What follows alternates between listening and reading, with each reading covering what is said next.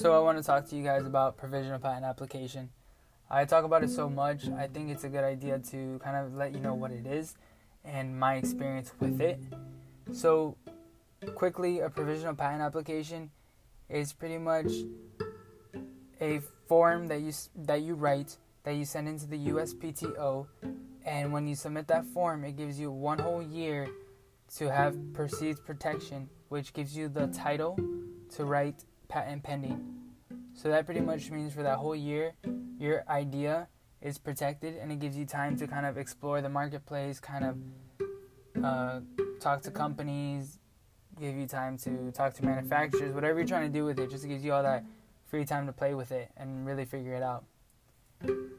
Now, my experience with the PPA, I took this really, really seriously because I know how important writing a PPA is in the future. Because if you do get your idea licensed to a company, and when the attorney looks at the provisional patent application that you wrote, he's going to use that as a reference to create the patent.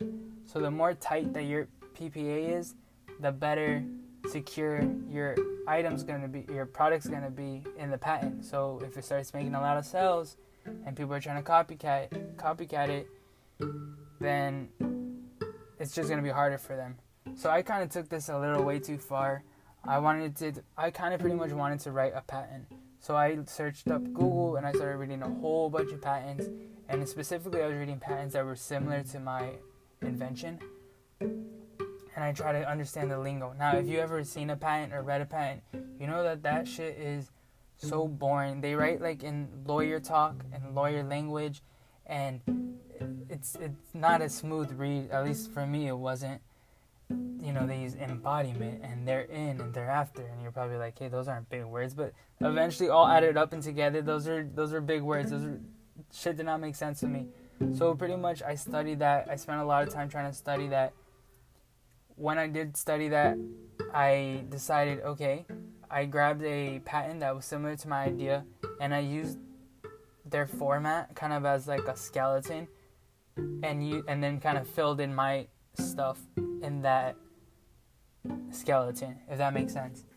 So the more I did that, the more I realized their skeleton or like what I was using, their format kind of changed because obviously you, you know you try to like mimic them or mirror their their patent, but eventually it's so your stuff's so different that things have to be changed and reworded. Obviously, I'm not trying to do no plagiarism either. So yeah, definitely take the time to write a good PPA. Make it good, the best you can. Definitely don't half-ass it.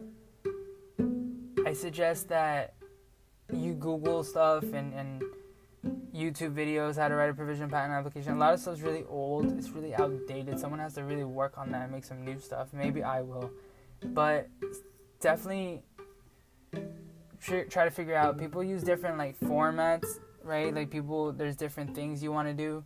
Uh, there's you know different categories for each paragraph. Like one, you want to talk about the background of your invention, you know, field invention, the description of your invention. So definitely look up all those things so you can know exactly what you're supposed to write on it.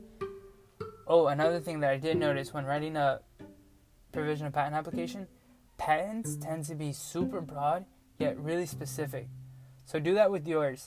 So definitely like for example like the title I'm gonna use the same thing with the dog bed or the dog bowl. Excuse me. Call it for the title. Call it a foldable dog bowl. Keep it broad. Don't do no crazy long specific name like foldable dog bowl that attaches to your purse and made out of 100% recycled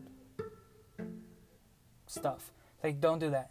That is uh too specific.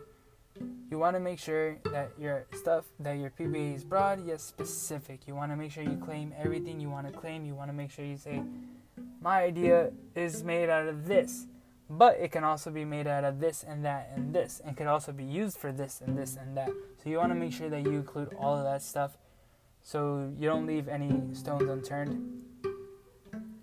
Another thing that I could just think off the top of my head that might help you out is refer to your invention as the same thing all the time, right? So if you're calling a foldable dog bowl, make sure you say call it a foldable dog bowl every single time. Don't go switching the name.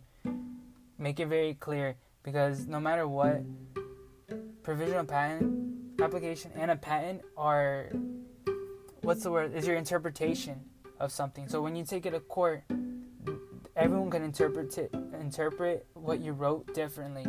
And that's like the big loophole, and that's really the iffy, kind of scary part about the whole situation. So you want to take that, you want to eliminate that as best as you can by being very clear on what you're talking about and being broad yet specific, right? Because if you get too specific, they could work around it. If you get too broad, they could get like more detailed in a niche.